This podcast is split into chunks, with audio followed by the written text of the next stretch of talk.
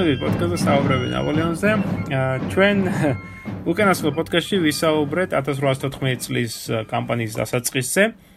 დღეს გამოვაგდოთ ჩვენ საუბარს და შევახსენებ მსმენელს წინა პოდკასტში ჩვენ დავასრულეთ საუბარი ლაროტიესთან ნაპოლეონის დამარცხებით და სწორედ აი ამ აქედან დავიწყებ დღეს და განვიხილავთ ნაპოლეონის სამხედრო მოღვაწეობის ერთ-ერთ ყველაზე ჩინებულ, ყველაზე საინტერესო მომენტს, ეგრეთ წოდებულ 6 დღიან კამპანიას.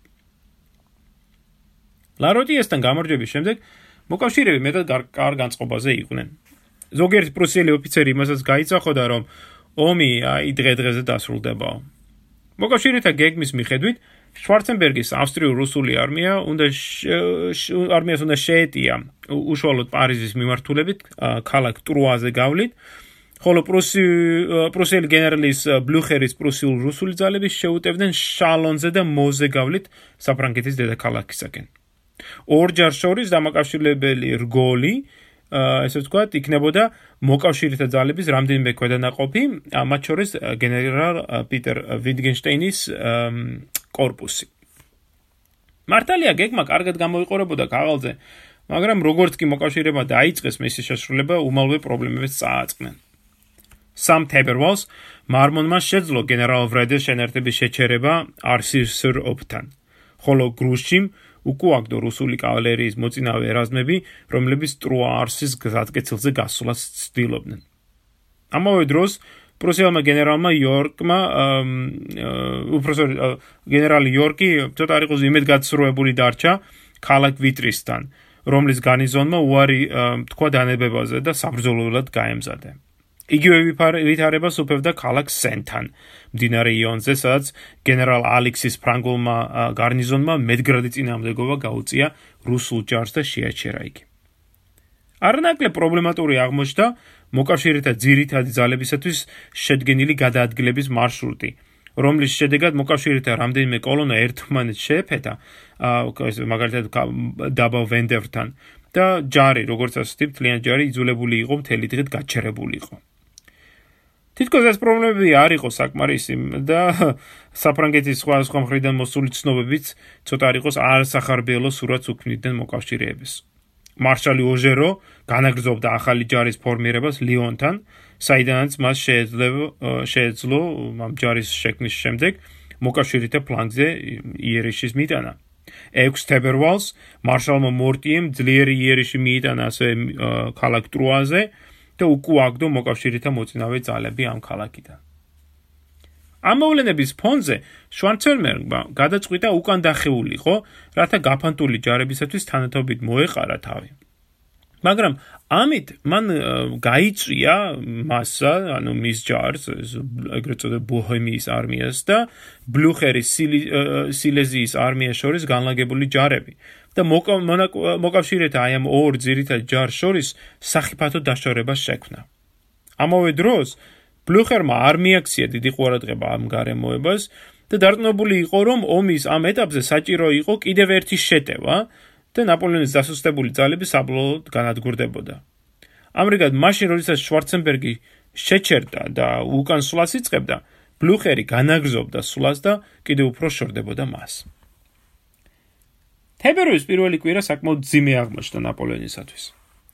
ბრიენთან და ლაროტიესთან განცდილი მარცხების შემდეგ იგი იძულებული იყო უკან დახეულიყო და ჯარების რეორგანიზაცია მოეხდინა. ამ ეტაპზე მისი გეგმა იყო შეენელებინა ბლუხერის სვლა და როგორმე დაემარცხებინა შვარცენბერგი ბოჰემიის არმია, რაც საკმაოდ რთული ამოცანა იყო იმის გათვალისწინებით, რომ მოკავშირეთა ძალები 200.000-ზე მეტს ჯარისკაცი ცვლიდნენ მაშინ როდესაც ნაპოლეონის და ცლიანად აღებული 70000-მდე იყო. ნაპოლეონის აზრით ბლუხერი უეჭვლით მიიწევდა ქალაქ ნოჟანისაკენ. ანუ ამ დროს ბლუხერი ქალაქ შალონტთან არის და ნაპოლეონს ფიქრობს რა ნაპოლეონი რომ ის ნოჟანისაკენ მიიწევს ამიტომ 5 თებერვალს მან უბრძანა მარშალ მარმონს დაეკავებინა ეს ქალაქი და მომზადებულიყო პრუსიელთა შეტევისათვის. ნაპოლეონის გათვლით ნოჟანში მარმონს ექნებოდა დაახლოებით 25000 კაციანი корпуსი რომლითაც მას უნდა შეძლებოდა ბლუხერის დროებით შეჩერება რამდენიმე დღით მაინც. მაშინ როდესაც ნაპოლეონი სულ მხოლოდ 50000 კაცით მიიტანდა იერიშ, ნაპოლეონი მიიტანდა იერიშ დაახლოებით 100000 კაციან ბოჰემიის არმიაზე, რომელსაც შვარცენბერგი მეტაურობდა. მაგრამ იმავე ღამით, ანუ 5-დან 6 თებერვალს ღამით, ნაპოლეონმა მიიღო შემაშფოთებელი ცნობები. ფრანგულმა დაზვრომა აჩვენა, რომ ბლუხერი ნოჟანისკენ კი არა, არამედ შატოტიერისკენ მიდიოდა, საიდანაც ის აშკარად შეეცდებოდა ქალაქ მოზე გავლით წასულიყო პარიზისაკენ. აი ამ მიმართულებით კი ნაპოლეონს გააჩნდა მხოლოდ მარშალ მაქტუნალდის სუსტი корпуსი, რომელიც ვერ შეძლებდა რიცხობრივად უფრო დიდი მოკავშირეთა ჯარის შეჩერებად. ამრიგად, პირდაპირ საფრთხე ექმნებოდა თვით პარიზს. ძალიან გაბრაზებული ვარ ამ ყველაფრით. წერდა ნაპოლეონი იმ დღეს თავის ძმასთან ჟოზეფთან. მე მინდოდა იერიში მიმეტანა ბარსუს სენზე და დამემარცხებინა ალექსანდრე. ანუ აქ საუბარია რუსეთის იმპერატორ ალექსანდრეზე, რომელიც ბოჰემიის არმიასთან ერთად იყო. და ნაპოლეონი ამბობს, მინდა და მიეტანა იერიში ბარსუს სენზე და დამემარცხებინა ალექსანდრე. მაგრამ ეხლა იძულებული ვარ წყალს გავატანო ყოველივე ეს, რათა პარიზის მისადგომები დავიცვა. ახალი გეგმის შემუშავებისას ნაპოლეონმა რამდენიმე მნიშვნელოვანი ფაქტორი გაითვალისწინა.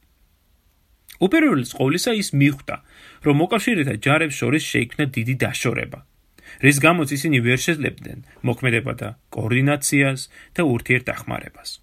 მან ასევე გაითვალისწინა მოკავშირეთა ძირითადი არმიების მეთაურების ხასიათები. ბლუხერი სულით მებრძოლი კაცი იყო, მარშალის შეტევა, როგორც მას უწოდებდნენ პრუსიულ ჯარში, და ის უეჭვლივ ეცდებოდა შეტევას და პარიზისაკენ გარღვევას. ამავე დროს ბოჰემიის არმიის მეთაური შვარცენბერგი ხასიათით ფრთხილი, თანმიმდევრული კაცი იყო. უფრო მეთოდიკურად გაუძღვებოდა ჯარს ნაპოლეონის აზრით. მით უმეტეს რომ მას თანახდა რუსეთის იმპერატორი და პრუსიის მეფე, რომლებიც ისედაც უბოჭავდნენ მოქმედების თავისუფლებას. ნაპოლეონი ასევე ვარაუდობდა, რომ მორტიეს შეტევა ტრუასთან უნდა ამ შეტევას უნდა დაეფთხო შვარცენბერგი და აიძულებინა კიდევ უფრო ფრთხილად ემოქმედა.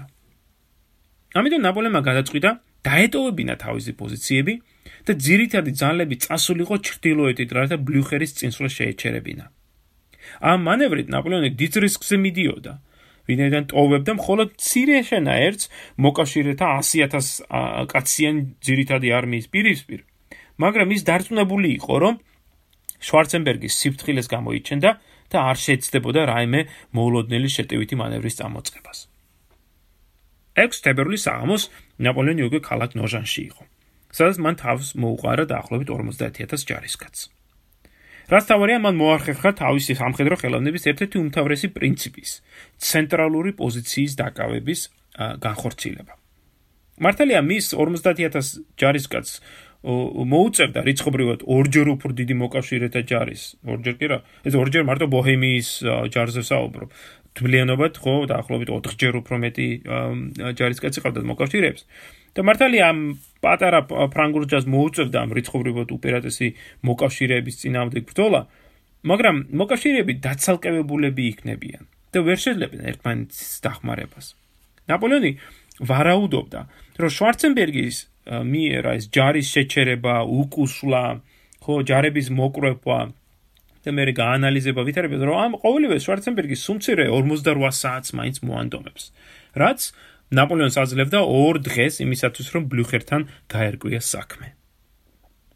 ნაპოლეონი ესესა უნდა დაძრულიყო ბლუხერისაკენ რომ შემაშფოთებელი ახალი ამბები მიიღო.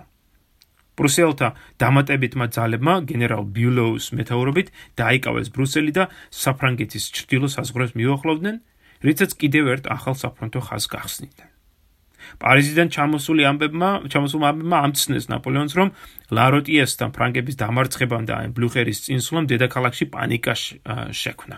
რაც თავის მხრივ საკმაოდ მნიშვნელოვანი პოლიტიკური პრობლემა იყო.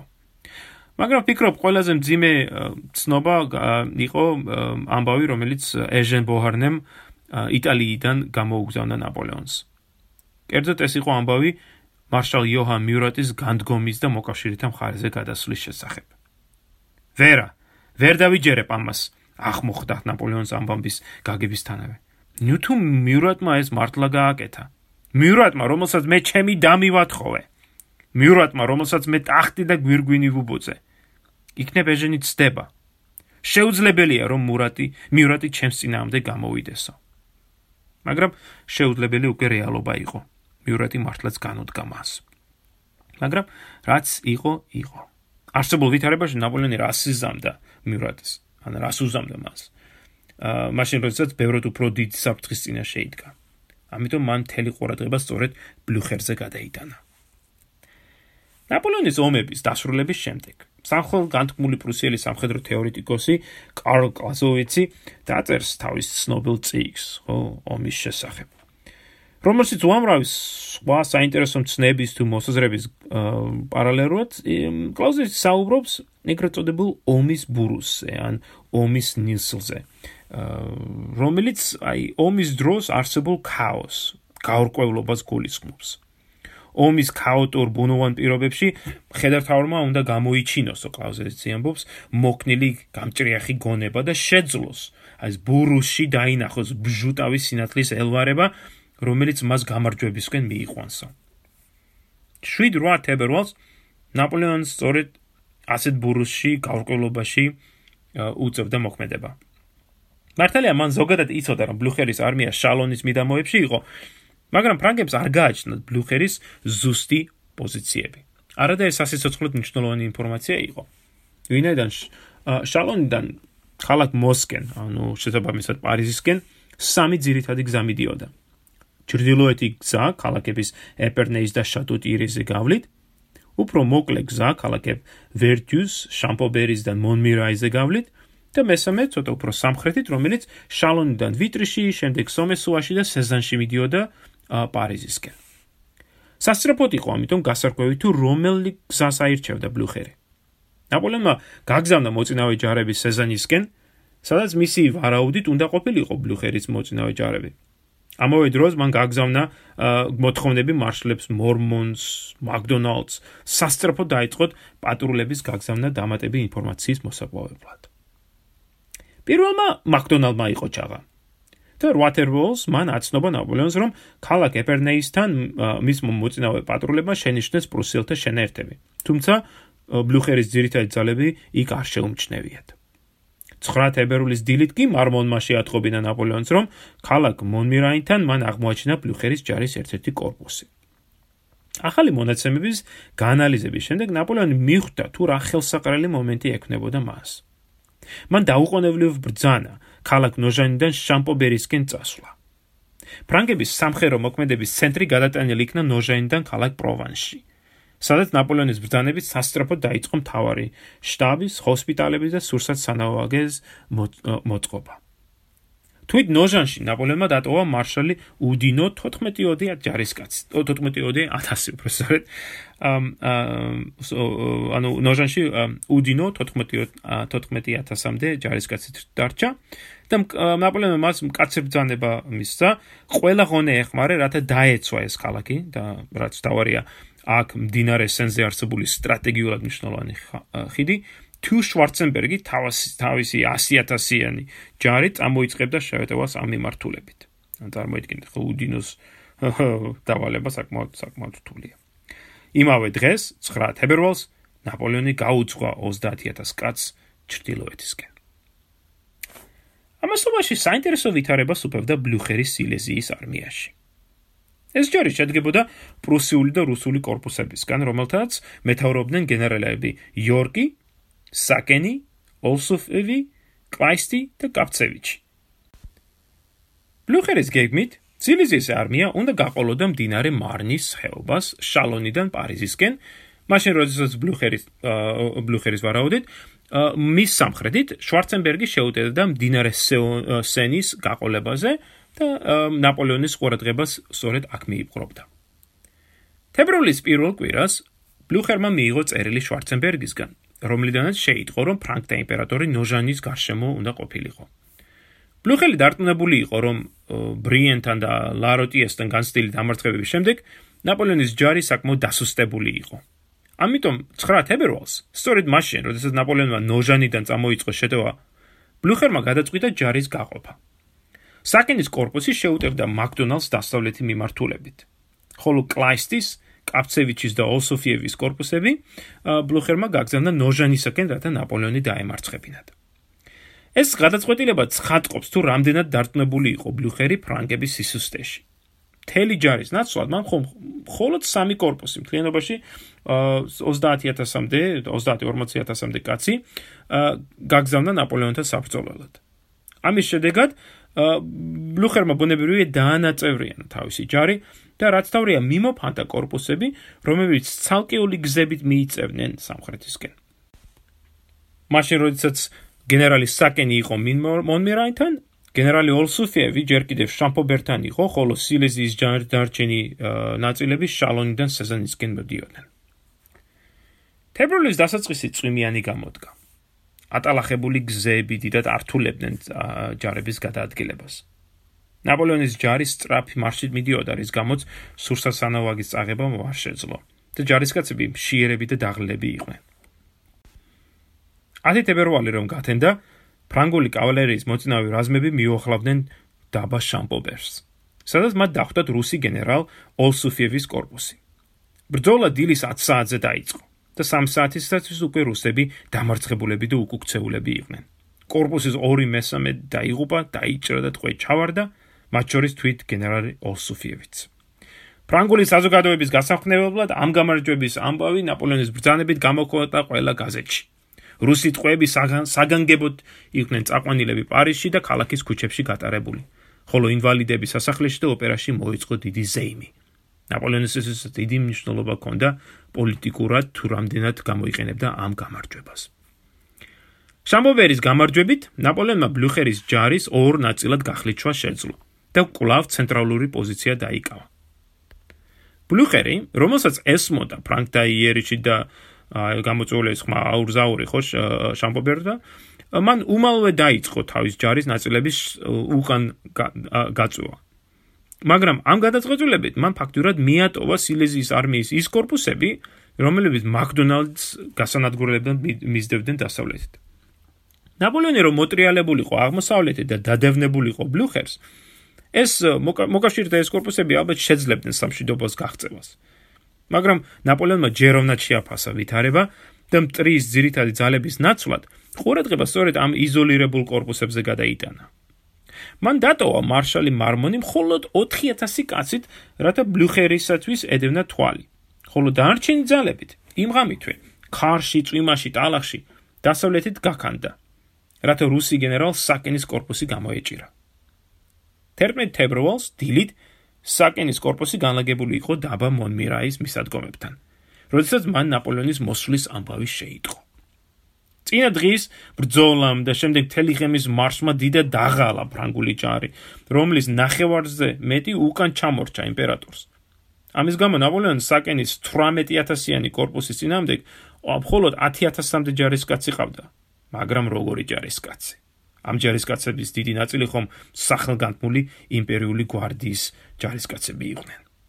ამავე დროს ნაპოლეონმა იცოდა, რომ ჩამორჩენილი ნაწილები დაახლოებით კიდევ 1-10000 კაცი, დღის ბოლომდე აუცილებლად მოუსწრებდნენ მას. ნაპოლეონს კარგად ესმოდა, რომ მონმირაითან დამარცხება კატასტროფული იქნებოდა მისთვის, ვიდრე ფრანგული ჯარი ორ ცოცხს შორის, ასე რომ ვთქვათ, დასავლეთიდან საკენი და აღმოსავლეთიდან ბლუხერი აღმოჩნდებოდა. მაგრამ ის დარწმუნებული იყო, რომ შეძლებდა გამარჯვების მოპოვებას.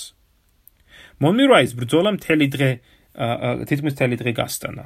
ყოველ შემთხვევაში მთელი დილა და შუა დღის ნაწილი. შუა დღის 2 საათზე ნაპოლეონმა მიიღო შემაშფოთებელი ამბავი, რომ პრუსიელი გენერალი იორგი თითქმის 20000 კაციანი корпуსით მოდიოდა საკენის და რუსების გადასარჩენად. მაგრამ ნაპოლეონი იცნობდა იორგს. იცოდა, რომ მისი ფრთხილი და მეთოდური ხასიათის შესახებ. ნაპოლეონმა ივარაოდა, რომ იორგი ფრთხილად იმოქმედებდა. და არ ეცდებოდა მთელი კორპუსის ბრძოლაში დაუყენებლივ ჩაბმას. ამიტომ ნაპოლეონმა მის წინამდე გაგზავნა მხოლოდ ორი ბრიგადა, რომლებმაც შეძლეს პრუსიელთა შეჩერება. ამასობაში კი ნაპოლეონმა უბრძანა თავის იმპერიულ გვარდიას გადამწყვეტი იერეში მიეტანა საკენის პოზიციებზე. გვარდიელები დიდი შემართებით ჩაებდნენ ბრძოლაში. გაარღვიეს რუსების მარცხენა ფლანგი, მოიგერიეს რუსული კავალერიის არაერთი შედევა და ბრძოლის ბედი გადაწყვიტეს. მზის ჩასვლისას საკენის корпуსი სასტიკად დამარცხებული იყო. მისი დანაკარგი შეადგენდა 4000-ზე მეტ კაცს და 17 ქვემეხს. მონმიროის გამარჯვება იყო როგორც ნაპოლეონის ბრწყინვალე ტაქტიკური უნარის და ფრანგული ჯარის, განსაკუთრებით გვარდიის ჩინებული დისციპლინის და ბრძოლისინარიანობის მაგალითი, ასევე მოკავშირეთა უნიათობის შედეგი. ამჯერად ნაპოლეონმა ორ დღეში ორი გამარჯვება მოიპოვა. მაგრამ ის არ სჯერდებოდა ამას. ბრძოლის შემდეგ ღამით მან უბრძანა თავის ქანს გაწყვეტილ ჯარისკაცებს დადევნებული იყვნენ იორკის корпуს და საკინის корпуსის ნაშთებსაც, რომლებიც გააფთრებით იხრნევდნენ უკან შატოტიერისაკენ. ნაპოლეონს დიდი იმედი ჰქონდა, რომ მარშალი მაკდონალდი შეძლებდა შატოტიერში პირველად მისვლას, რის შედეგად იორკი და საკინი მოექცეოდნენ ალყაში და სავსებით განადგურდებოდნენ. მაგრამ იღბალმა არ გაუმართლა ნაპოლეონს. მაკდონალდმა დაგვიანებით მიიღო ბრძანება და ვერ შეძლო დროზე მისვლა შატოტიერში, რის გამოც მოკავშირეთა корпуსებს ადგილობრივი ხიდი უვნებელი დახვდათ. მაინც 12 თევრევალს შატოტიერისთან გამართულ ბრძოლაში ნაპოლეონმა დიდი ზიანი მიაყენა მოკავშირეთა корпуსებს, რომლებმაც დაკარგეს 3000-ზე მეტი კაცი და 20 ქვემეხი. მაგრამ მოკავშირეებმა შეძლეს მაინც შატოტიერის ხიდზე გადასვლა, ხიდის განადგურება რითაც არ მისცეს ფრანგებს დადევნების საშუალება. ამ დროისათვის ნაპოლეონის ყურადღება უკვე სამხრეთით იყო გადატანილი. მან შეიტყო, რომ თერბელ თერბერვალს შვარცენბერგს დაუწყია წინსვლა. უკუუგდია ვიქტორის корпуსი მდინარე სენაზე და დაუკავებია ქალაქები სენი და მონტერო. აშკარა იყო, რომ ნაპოლეონი სასტრაფოდ უნდა წასულიყო ბოჰემიის არმიის შესაჩერებლად, რაც მან დაუყოვნებლივ ქნა კიდეც 13 თებერვალს. მაგრამ ამავე დროს ბლუხერმაც ხომ შეიტყო შვარცენბერგის შეტევის შესახებ. ბლუხერი გამოცდილი გენერალი იყო და მან სწორედ ივარაუდა, რომ ნაპოლეონი დაუყოვნებლივ ეცდებოდა სამხრეთის წასვლას. ამიტომ ბლუხერმა უბრძანა თავის გენერლებს კლაისსა და კაპცევიჩს წამოეწყოთ შეტევა დასავლეთით, რათა შვარცენბერგთან საბრძოლველად მიმოვალი ნაპოლეონის ზურგში გასულიყვნენ და ორჯერ შორის, ასე ვთქვათ, მოექციათ ფრანკთა იმპერატორი. კრაისის და კაპცევიჩის корпуსები საერთო ჯამში 22000 კაცს ითვლიდნენ. მათ წინაშე მხოლოდ მარმონის 4000 კაციანი корпуსი იდგა. 14 თებერვალს მოკავშირეები თავს დაესხნენ მარმონს დაბა ვაშამთან. შეიტყო რა ამ ბრძოლის შესახებ ნაპოლეონმა შეაჩერა თავისი სვლა და გაყო თავისი ძალები. მარშალმა მაკდონალმა მიიღო ბრძანება განეკრძო სვლა სამხრეთით და შეერთებულიყო უდინოს და ვიქტორის корпуსებს ქალაქ მონტეროსთან. მაშინ როდესაც ნაპოლეონი იმპერიული გვარდიის და გენერალ გრუშის კავალერიის თანხლებით ფორსირებული მარშით წავიდა მარმონის გადასარჩენად. მან დროზე მიუსწრო ბრძოლას. მარმონი ნელ-ნელა იხევდა რიცხობრივად უპირატესი მოწინააღმდეგის წინაშე, როდესაც ნაპოლეონი მივიდა ბრძოლის ველზე. იმპერატორის ბრძანებით გრუშის კავალერიამ გაარღვია მოკავშირეთა მარჯვენა ფლანგი, ხოლო იმპერიულმა გვარდიამ პირდაპირ იერიში მიეტანა პრუსიულ გენერლის ცაიტენის დივიზიაზე, რომელიც რამდენიმე საათიან ბრძოლაში თითქმის მთლიანად განადგურდა. ნაპოლეონის მისვლით შეცვლილებულმა ბლუხერმა უმალვე ბრძანა უკან დახევა, მაგრამ ვოშამპის ბრძოლა მას ზვირე დაუჭდა. 9000-მდე გვარი, დაჭრილი, დატყვევებული, 15 ქვემეხი, 10 დროშა მოწინააღმდეგის ხელში. ამავე დროს ფრანკთა დანაკარგი მხოლოდ 600 კაცს შეადგენდა. ვოშამპის ბრძოლით დასრულდა ნაპოლეონის გასაოცარი 6-დღიანი კამპანია, რომელმაც ნათლად წარმოაჩინა მისი ბრწყინვალე მხედართავრული ნიჭი. ნაპოლეონმა შეძლო 6 დღეში დაეფარა 150-მდე კილომეტრი ფორსირებული მარშირებით უამინდობაში, ტალახში.